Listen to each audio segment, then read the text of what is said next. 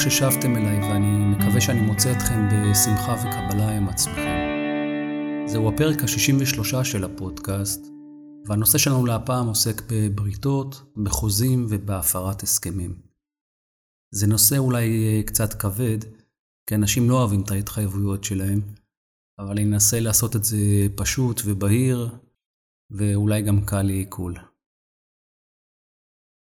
אין ספק שבריתות וחוזים הם חלק בלתי נפרד מהחיים של כולנו, והם גם מלווים אותנו במגוון פעולות שאנחנו עושים לאורך החיים שלנו.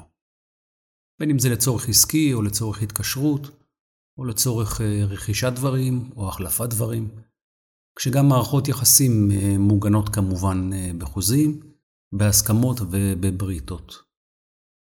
כשאפשר לומר שהפחד של כולם הוא פשוט החשש מהפרת ההסכם, ולכן הם אה, עוסקים בדרך למנוע את האפשרות של הפרת ההסכם הזה, כדי קביעה של חוקים, תקנות ועוגנים. אז לפני שאני אדבר על זה בהרחבה, אני מעדיף ברשותכם להתחיל דווקא מעולם הרוח, כי ככה נוכל להבין קודם את התמונה הרחבה. עולם הרוח הוא עולם של אפשרויות שהחוקים אה, שחלים עליו הם בגדר נעלם. נולדים ומתפתחים מתוך אה, רצון להתאים את החוקים לטובת בני אדם, ועל מנת להקל עליהם, או להקל את דרכם, במיוחד במצבים שבהם בני אדם יודעים וגם מצהירים בפני עצמם, שהם אה, באים ממקור דומה שכולם שייכים אליו. סותר כמובן את החשיבה הרציונלית, שנוטה לדרג חשוב ולא חשוב, על פי כבוד ומעמד, ועל פי יכולת שליטה על האחר. אבל בחשיבה הרוחנית אין באמת הבדל בין אה, גבר לאישה, ואין משמעות אמיתית ללאום או לדת מבחינת טוב יותר אה, או פחות טוב ונחשב יותר או פחות, אלא שיש אה, התייחסות רק להתאמה של המסגרות הללו לבחירה של האדם, כי מקור האדם בנשמתו, וכל הנשמות באות ויחזרו לאותו מקור. נשמת אדם עושה תפקידים רבים בגופים שונים, ואולי אה, בדתות שונות ובלאומים שונים, פעם כגבר או כאישה, בתפקידים מתחלפים. והשיוך הזה חשוב בדיוק כמו התפאורה והלבוש של השחקנים על במת התיאטרון. המחזה חייב להיות משוחק, והערך האמיתי והחשוב הוא לא מה שנראה על הבמה, אלא איך השחקנים מרגישים כאשר הם משחקים את התפקיד שלהם על הבמה.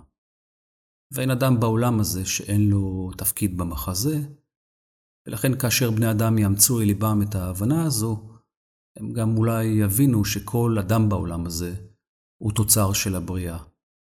גם יכולים להבין שהחוקים הקוסמיים פועלים לטובתם, והם לא מצריכים אה, שיקול דעת, כי נקודת המוצא הרוחנית אומרת בסופו של דבר שהכל נוצר מרגע הבריאה, כאיזשהו רעיון שדורש אה, מימוש רגשי במחזה של החיים האינדיבידואלי, ורק לאחריו תגיע האחדות המלאה.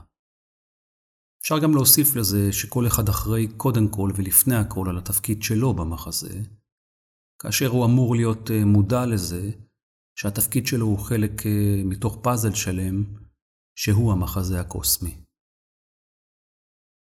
מבחינת הצד הארצי והחומרי, אפשר לומר כך. מרגע שנשמת האדם מבינה שהיא כלואה בתוך אה, גוף חומרי, היא מזדהה איתו, ואז היא שוכחת המטרה האמיתית שלה. וככל שעובר הזמן בתוך ההתנסות שלה בגוף, היא רוצה לדאוג לתנאים שלה כמובן, וכך המחזה מפסיק להיות משחק בין אנשים שווים, שבאו לממש אה, מחזה משותף, אלא תחרות על מי משחק טוב יותר, ולמי יש את החדר הכי מאובזר מאחורי הקלעים, ולמי יש את התנאים הכי טובים, ולמי התפקיד הכי נחשב, למי יש את הבגדים הכי מרשימים, ומי עומד בקדמת הבמה. ולעיתים הכי חשוב, על מי מכוונת התאורה בכל רגע. כי תמצית עולם החומר היא לעיתים מאבק על תשומת לב. זה נכון שכל אחד בא לשחק את התפקיד שלו על הבמה, וזה נכון שהחשיבות המרכזית והאחריות והמיקוד צריכים להיות כל אחד על תפקידו קודם כל, אבל כל זה צריך להיעשות בידיעה שעדיין יש כאן איזושהי מטרה משותפת, כי כולנו עובדים וחיים יחד באותו תיאטרון.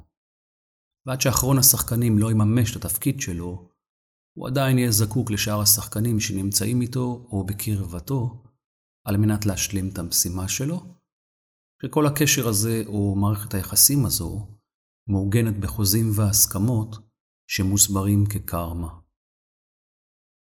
אין ספק שכל המשתתפים בכל המחזות מחכים לרגע ההתעלות של המחזה, כי הוא המכנה המשותף של המשתתפים, כשהם יודעים ומבינים בתוך עצמם שהמחזה הוא זמני, ועוד מעט מתעלים ועפים יחד עם כל הקהל באיזשהו רגע של שיא, שעבורו הסכמנו מראש להשתתף במחזה הזה. רק שלעיתים לא נלקח בחשבון שיהיו ריבים על חדר ההלבשה, ועל התאורה, ועל המיקום על הבמה, ועל התנאים הארציים, ולכן עולם החומר שלנו מוקף בבוררים ושופטים ומנסחי חוקים, על מנת לסגור כל פרצה אפשרית, והם אלו שנתנו להם את המנדט לקבוע שאסור כך ומותר רק כך. הרבה פעולות שאנחנו עושים מתואמות אל חוק או אל הסכמה, עד שלפעמים אנשים מרגישים שהם צריכים עורך דין צמוד לידם. ולכן החוק הארצי, או החוקים הארציים, נולדים מתוך חוסר ברירה. מתוקף ההתנהגות של בני אדם שחוצים הסכמות קודמות, וכעת צריך לחסום את הפרצה בחוק החדש, או בתקנה החדשה, על מנת למנוע מאפשרויות לא רצויות להתממש, ולכן אפשר לומר שהחוק הארצי הוא חוק של חיפוש אחרי הפרצה שצריך לחסום. וזה קורה כל יום וכל הזמן, ובמיוחד מול השלטון והחברה, כי החוק תמיד משרת את טובתם ועושה איפה ואיפה, וזה דבר שאף פעם לא קורה בחוק הקוסמי, והלוואי שבני אדם היו מבינים את התכלית הזו ומתנהגים ככה, ואז אפשר היה לחיות בעולם הזה עם פחות תקנות וחוקים, כי מי שמכבד את עצמו, מכבד גם אחרים.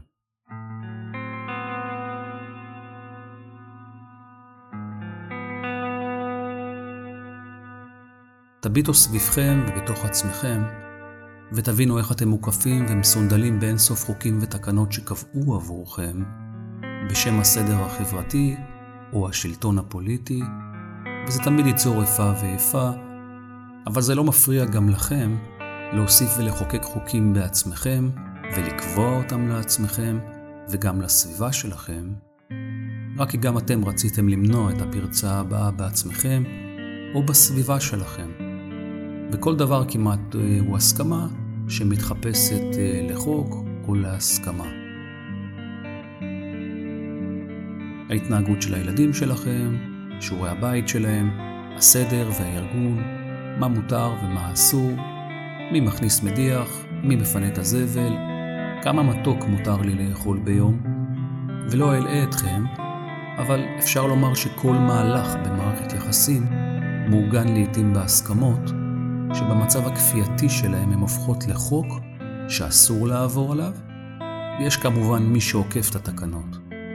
והפרדוקס אומר שהחוק תמיד נפרץ ותמיד ייפרץ, ואז התחיל המרדף אחרי התקנה החדשה, כי מקורו של כל חוק ארצי הוא בחיפוש שמבקש לסגור פרצה, שנובעת תמיד מהתנהלות והתנהגות של בני אדם, שעושים את זה הרבה פעמים בגלל מחשבה הישרדותית.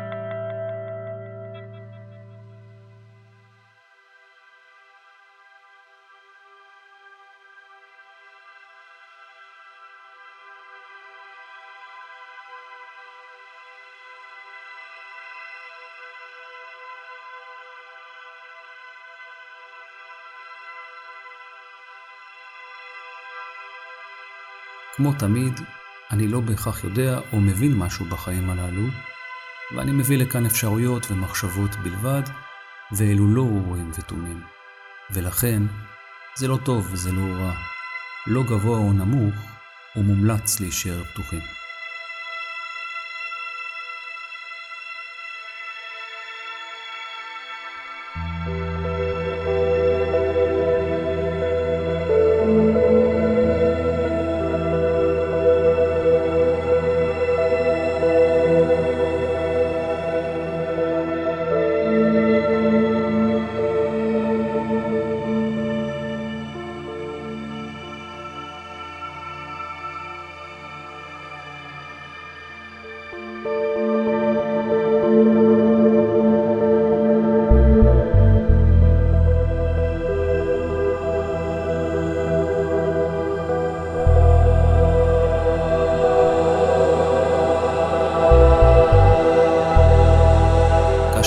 מחליט שהוא בוחר בדרך רוחנית, הוא אומר לעצמו ומחליט בתוך עצמו שהרוח תוביל ותקבל קדימות, ועדיין הוא נותן כבוד לקיים ולעולם החומר, כי בלעדיו הוא לא יוכל לממש את הרוחניות שבו.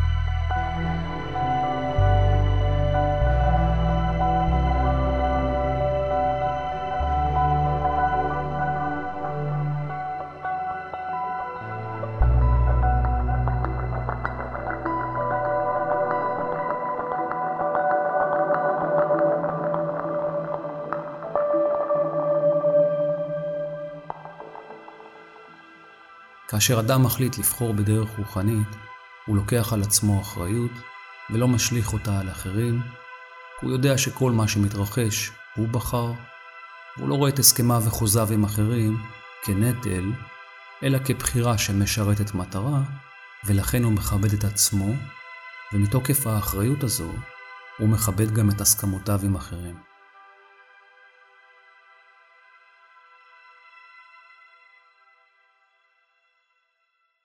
זה ברור שהעולם הארצי מתעתע, ולעיתים מופיעות אפשרויות והזדמנויות טובות יותר לכאורה, או קלות יותר למימוש, ולעיתים אנשים, האדם או אנשים עדיין קשורים בהסכם קודם. זה יכול לקרות אה, במקום המגורים, או בעבודה, או במערכות יחסים, או בכל נושא אחר.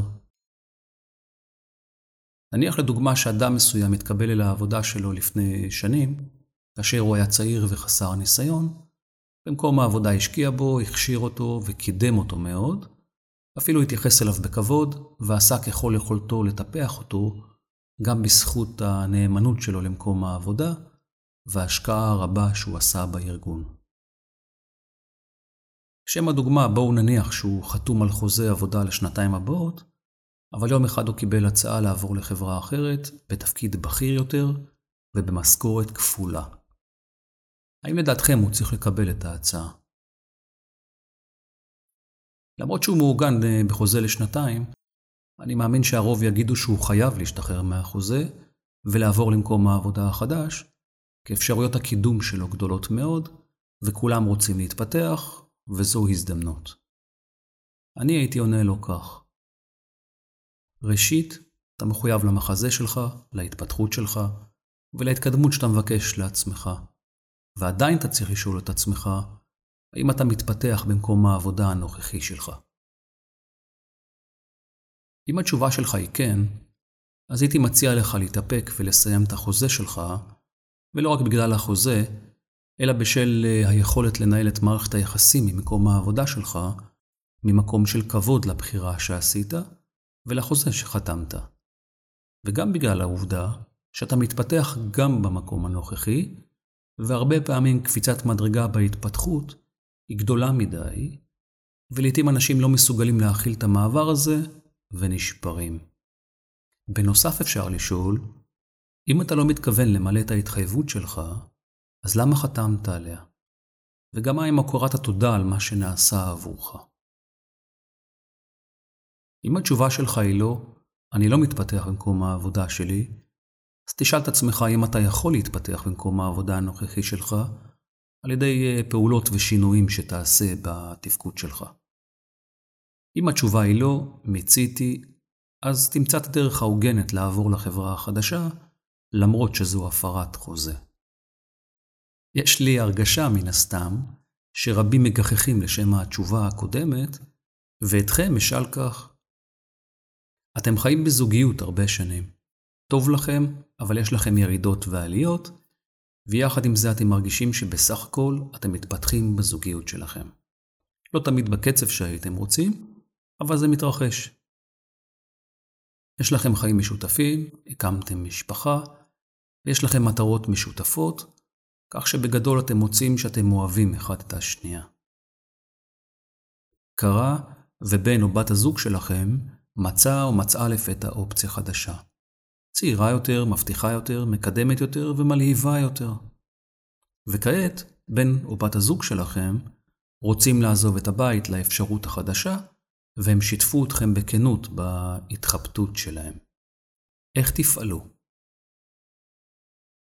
אני רק מזכיר לאלו שהמליצו לבחור מקודם, לעוף מהר מהעבודה שלו ולקח את העבודה החדשה, שאין שום הבדל בין המקרים, כי הכל אלו מערכות יחסים, גם מקום העבודה וגם הזוגיות. ושימו לב עד כמה קשה להתחייב, במיוחד כאשר מופיעה אופציה מלהיבה יותר, וההתנהלות הזאת רק מסבירה לכם למה מושג המחויבות נמצא בשפל, ובאיזה קלות אנשים מחליפים חוזים והסכמים, רק כי נדמה להם שיש להם אופציה טובה יותר, אבל כשעושים את זה להם, הם מתרסקים. זה נכון שיש אופציות אה, קלות ונוחות יותר, ואופציות אה, קשות ומורכבות יותר, אבל כמו שנכנסתם לבחירה הראשונית והתחרטתם, זה יכול לקרות לכם אה, שוב ושוב ושוב, גם אם נדמה לכם כעת שמה שהופיע הוא מלהיב ומשתלם יותר, ולכן בשביל לסכם את החלק הזה, אומר כך. נניח שאדם מסוים מרגיש שבור ומיואש מהמצב שלו כבר תקופה ארוכה, בגלל שהוא אה, פירק את החוזה שלו או את ההסכמה שלו עם צד אחר, ולאחר זמן הוא הבין שהבעיה לא הייתה בצד השני, אלא בעצמו. ולכן, ברגע של הקלה והתעלות לפתע ערב אחד, הוא עשה החלטה עם עצמו לשנות את דרכו, את ההתייחסות וההתנהגות שלו לנושא, כי הוא הבין שההתנהגות שלו וצורת המחשבה שלו הם המקור המרכזי לסבל שלו, והוא החליט לקחת על עצמו אחריות, והוא לקח דף ועט וכתב לעצמו מהי ההתחייבות שלו לעצמו. הוא היה מרוגש, שמח, וחווה התעלות מעצם ההחלטה שהוא קיבל, אבל בגלל ההתרגשות שהוא חש, הוא התקשה להירדם בלילה וקם בבוקר על הפנים. הוא היה אפוף ועצבני, וענני רגש שמחים עטפו אותו. כל ההרגשות וההחלטות של אתמול התפזרו, והוא שוב היה מבואס, והתנהג באותו יום כמו שהוא תמיד מתנהג, והוא שנא את עצמו על זה. קפיצת הדרך שהוא איחל לעצמו רק אתמול, לא צברה תאוצה, למרות ההסכם הכתוב במחברת שלו. ואני שואל אותו, אם אתה לא לוקח אחריות על עצמך, מי אתה רוצה שייקח אחריות עליך? ואם המילה שלך לעצמך היא לא מילה, אז לאן אתה חושב שאתה תגיע?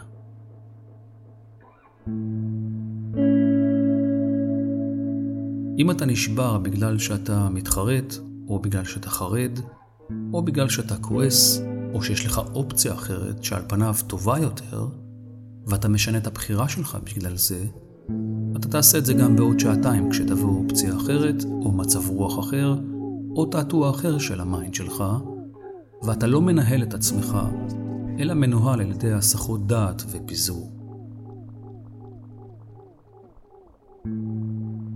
ה mind שלך תמיד ימצא לך סיבה טובה למה לא לעמוד בהסכמים שלקחת על עצמך, וזה חלק גדול מהתעתוע והאשליה שאתה חווה. ורק תחשוב כמה דברים עזבת בחיים שלך, ועל כמה הסכמים והפרות אתה מתחרט, ואתה לא יכול להשיב את מה שהשלכת. אבל תמיד יש יום חדש, והזדמנות לקחת אחריות ולעמוד במילה שלך לעצמך.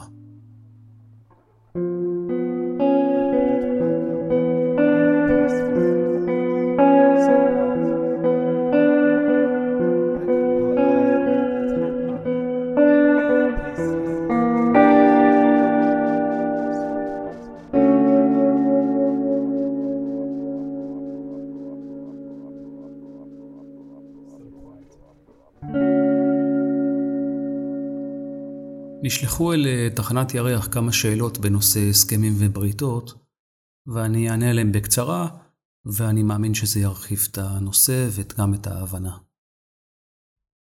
מהי ברית בין שני אנשים, ומהם התנאים להיווצרות ברית כזו? ברית בין שני אנשים היא ברית בין נשמות, שסיכמו מהלך משותף של חוויה למען מטרה משותפת, שבה הם יפעלו יחד מתוך אה, תפיסה שאומרת שטובים השניים מן האחד. הרבה פעמים אנשים שעושים ביניהם ברית, משלימים למעשה אחד את השני, וכך הם יוצרים עוצמה והשפעה גדולה יותר. ובקיצור, שני הצדדים מרוויחים, גם אם חלוקת הנטל ביניהם לא שווה. התנאים להיווצרות ברית היא חוזה, התחייבות וגילוי אחריות, רצון והתמדה כלפי המטרה המשותפת שהם קבעו. מה ההבדל בין אה, ברית לבין הסכם או חוזה? מתחת לכל ברית יש הסכם או חוזה על פי הדירוג שבני אדם עושים מבחינת החשיבות. ברית מתקשרת לדם, ולכן היא ההסכם העמוק ביותר, ונדיר יותר לראות אותו במערכת יחסים זוגית למשל, אבל זה דבר שיכול להתקיים בין אחים, או בין חברים קרובים, או בין שותפים עסקיים למשל. הדרגה של הקרמה שלהם היא יותר נוחה, ולעיתים פחות קוטבית ומלאת סתירות, מאשר בקשר זוגי שיש לו אתגרים משל עצמו, ושדורשים חוזה מורכב יותר, שזה כמו נישואין. אפשר לפעמים לראות אה, סיטואציה שבה יש אנשים שיש ביניהם ברית, שמקיימים אותה נניח על אה, מישור עסקי למשל, ועדיין יש להם לשם הדוגמה חוזה נישואין אחר עם איש או אישה אחרת, שבו הם חווים את הלונה פארק של החיים מלאה הסתירות, ודווקא הברית החברית היא יציבה ועקבית, ובהרגשה שלהם היא נצחית הרבה יותר מהזוגיות שלהם, ושוב, זה רק למען הדוגמה. מתחת לחוזה יש הסכם, שיכול להיות גם ההקלטה של הקול שלכם, כאשר אתם מאפשרים לחברת הביטוח להעריך את הביטוח על הרכב. הסכם יכול להיות לחיצת יד או הבטחה בעל פה, וההבדל בין ההסכם לבין חוזה הוא שחוזה הוא קרמטי, קרי מעוגן בחוזה נשמות, ויש לו עוגנים והתחייבויות. לנשמה אכפת מאוד אם היא הולכת אה, לחוות תיקון, או אם היא תממש את החוויה שלה, אבל פחות אכפת לה באיזה חברת ביטוח לעשות פוליסה לרכב. האם כל קשר יכול לייצר ברית? האם ברית היא הכרח על מנת ליצור קשר ולהשאיר קשר חזק? נראה לי על פי השאלה שאת לא מתכוונת לברית, אלא לחוזה זוגי. כל אדם צריך וזקוק לאדם בצד השני על מנת ללמוד ולהתפתח. הוא זקוק להשתקפות מוסכמת, והוא בוחר את האדם השני על פי השיעור שהוא בא לחוות. אני אתקן את השאלה ברשותך. האם כל קשר יכול לייצר חוזה, והאם חוזה הוא הכרח על מנת ליצור קשר ולהשאיר קשר חזק? התשובה היא שקשר עמוק במערכת יחסים זוגית לא יכול להיווצר ללא חוזה מוקדם בין נשמות. אולי תשאלי ואולי תספרי שרק הכרתם ואין לכם חוזה, כי לא התחתנתם למשל, או עשיתם הסדר אחר, או שאין לכם הסכם כתוב, ואני אענה לך שעצם המפגש ביניכם הוא האופציה של החוזה ביניכם, ואת לא יכולה לפגוש או להכיר באמת את מי שהוא לא חלק מהאופציות שלך, ויש לך אופציות מוגבלות. בנוסף, אנשים לא סתם מתחתנים, הם עושים את זה על מנת לממש את האופציה ולעגן אותה, או במילים אחרות, להתחייב לממש את הקרמה ולעגן את עצמם וגם את הצד השני בתוך חוזה, כדי שאף אחד מהצדדים לא יברח ברגע שמופיע המכשול הראשון. האם החוזה הוא הכרח על מנת להשאיר קשר חזק? ראית, אה, או יותר נכון שמעת את הסיפורים מקודם, אנשים מתייחסים להתחייבות ולהסכם ולחוזה כדבר שאפשר לשנות על פי צורך, לפי מצב רוח, לפי תשוקה, או כאשר מופיעה אופציה טובה יותר לדעתם, ואני אומר לך שקשר חזק זקוק לתנאים מתאימים ולפחות הסחי דעת, הוא זקוק לכוונה טובה, ללב פתוח, לאחריות, להדדיות ואמון, וכל זה יכול להתקיים טוב יותר כאשר מקיימים את החוזה באופן מלא ומכבדים אותו. האם צד אחד יכול לסמוך על זה שיש ברית והיא תעבוד בשבילו כאשר הצד השני מאבד את הכיוון? שוב, נראה לי שאת מתכוונת לחוזה ולא לברית, ואני אענה לך. האם את מקיימת את ההתחייבות שלך בחוזה הזוגי? לפי איך שניסחת את השאלה, סביר שתעני שכן. אז אני אשאל אותך, האם הצד השני מקיים את ההתחייבות שלו בחוזה הזוגי? אני לא יודע מה ענית, אבל לפי השאלה שלך, את כנראה חוששת שלא, ולכן את שואלת, האם אפשר לסמוך על החוזה שיעגן את ההתחייבות? שוב, דיברתי על זה קודם, הנושא של התחייבות ואחריות הושחת במקומותינו, בעקבות פרשנות מוטעית של מושג האינדיבידואל, שבו אנשים מתייחסים אל החלק הראשון במשוואה, שזה האני, כאל הדבר המוחלט.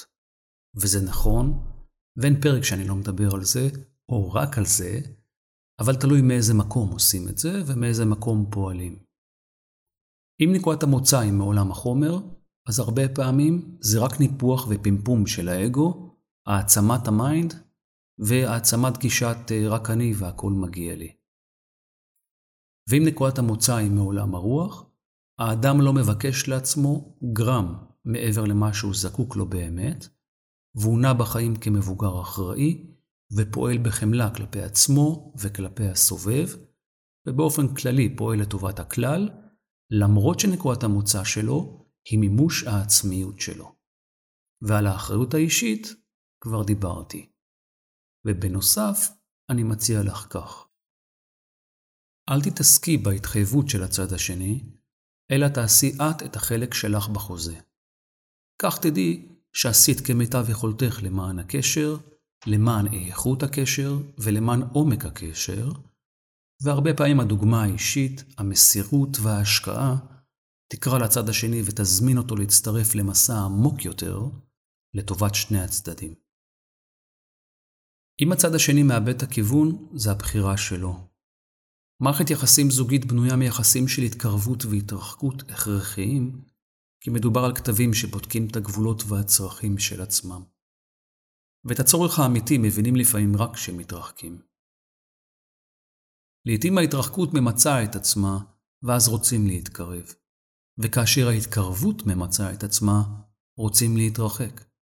וכך מתקיים האיזון בתוך הקשר, והבעיה היא שאנשים לא מבינים את המהלכים הללו לעתים בעצמם, והם מרגישים אשמים כאשר הם מתרחקים, או כאשר הצד השני מתרחק, והם מרגישים נחנקים כאשר הם קרובים מדי, ואז הם מאבדים את עצמם. ואז הם ממציאים דרמות, ריבים ופיצוצים, ומאיימים אולי בפרידה, על מנת להתרחק. ולעיתים רואים צד אחד שרק רוצה להתקרב, וצד אחד שרק רוצה להתרחק, וגם כאן נשמר האיזון, למרות שזה בכלל לא כיף לחיות ככה. האם ברית היא מתוך מחשבה, או מתוך הרגש, או הסכמת הלב? ברית או חוזה מתוקף החוזה שהוסכם מראש בנשמות, אך נחתם בגוף חומר כאשר האופציה ממומשת. הרבה פעמים דווקא ה mind יכול להתנגד לחוזה, כי הוא מודד ומשווה מי משקיע יותר, מה משתלם ומה לא, ומהר מאוד בתוך הקשר הוא מצביע על הבעיות, ולעיתים מתעקש לפתור אותם דרך פתרון פרקטי של עוד חוזים ועוד הסכמות שנערמים אחד על השני, במה שאסור ומותר, כמו טבלת אקסל ארוכה של הסכמות, שבכל ריב אפשר לפתוח את ארכיון ההסכמות ולהצביע על הסעיף שהופר, ולהצביע גם על האשם. הרגש אוהב לעבוד על ההתלהבות שלו, על הצורך להיסחף, ועל ההשתוקקות להיות אה, מואב ולא להרגיש בודד, וכאשר הוא משיג את זה אז הרבה פעמים מתחיל לשעמם לו, ואז הוא מתחיל לחפש דרמות, ומנסה להאיר את הקשר על ידי מאבק מאולץ. כמו שאמרתי הרבה פעמים, רגש ולב זה לא אותו דבר. הלב הוא כלי רוחני שקשור לנשמה, והוא היחיד שיודע את האמת ומודע לעומק החוזה. הוא זה שיודע אם החוזה הוא בחירה מתאימה ונוחה, או שלא, אבל מי שמכור למשחק התודעתי של שכל ורגש, לא מקשיב בכלל ללב שלו, הוא עסוק אה, אולי בשיפוט, או בענני הרגש שמעיבים עליו, אומרים, עצוב לי, קשה לי, מר לי, מתוק לי, זה טוב לי או לא טוב לי. הלב לא שואל שאלות, הלב נוכח, והוא נותן את המשקל ללמידה של החוויה, ופחות לרעשי הרקע. במילים אחרות ולשם הדוגמה, רק על מנת שתביני, ללב לא משנה למשל איך בן הזוג שלך נראה. משנה לו איכות החיבור ועומק הקשר. איך בן הזוג שלך נראה, מעניין את הרגש ובעיקר את ה mind שלך. ועכשיו, תבקשי מעצמך להשתחרר מהתפיסה הזו ולבודד את הלב ותביני עד כמה מורכב לפעמים לחיות את זה. בני אדם מוקפים בחוזים והסכמות שהם מייצרים לעצמם, על מנת לבסס אה, ודאות בעולם לא ודאי. ללכת על בטוח כמו שבני אדם אוהבים. ודאות היא דבר נפלא כשלעצמו, אבל הוודאות היחידה שקיימת היא שאף אחד לא יודע שום דבר, ובוודאי לא מה יהיה בעתיד. ולכן, אנשים מבססים את דרכם על פי מה שהיה בעבר, או על פי ניסיונם של אחרים. כאשר אדם מתפתח, הוא מתמסר להרגשה שיש לו וללב שלו, והוא שואף לראות את החיים כמשימה, מבלי להתייחס ברצינות רבה מדי לכל מהמורה שבדרך, שרק מעוררת פחדים שנוטים להציף ולערבל את התודעה. האדם מוצא את עצמו שוב מעונן, אפרורי, מאוים, וענני רגש עמוסים מאיימים להציף את הקרקע. כאשר מתייחסים אל החיים כמשימה, חשוב גם להכיר ולכבד את הצורך של הצד השני לממש את המשימה שלו. כשהחיבור ביניכם הוא חיבור של שני נתיבים נפרדים לדרך משותפת, והחיבור הזה דורש הסכמה וחוזה. כבוד הדדי של קיום החוזה הזה מתוך חופש בחירה מלא, הוא ההתחייבות שיוצרת גם ביטחון בקשר. ולכן, החוזה הוא הדבק שמחבר אנשים, גם כאשר החיבור לא נוח ופשוט, כשעצם הרעיון לממש את החוזה הזה הוא הליכה לקראת הצד השני, אבל בעיקר לקראת עצמכם. וככה, יש לכם אפשרות לגלות אחריות, רגישות, ולעמוד במילה שלכם לעצמכם. ואם זו עדיין לא הגישה שלכם לעצמכם, אז לפני שאתם מפרקים משהו רק כי יש לכם אופציה אחרת, או מצב רוח ירוד, או שאתם מוצפים בענני רגש, אתם יכולים וצריכים לבדוק את החוזים שיש לכם, ואם מצאתם שהם כבר לא מתאימים לכם, אז לכל הפחות תנקטו פעולה ותעדכנו את החוזים ביניכם לטובת כל הצדדים.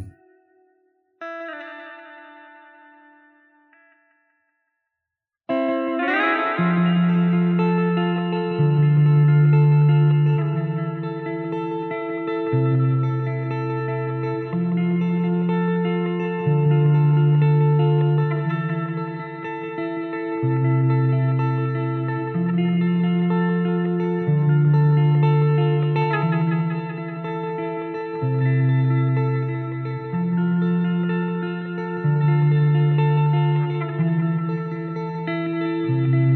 רבה לכם מעומק הלב על ההאזנה.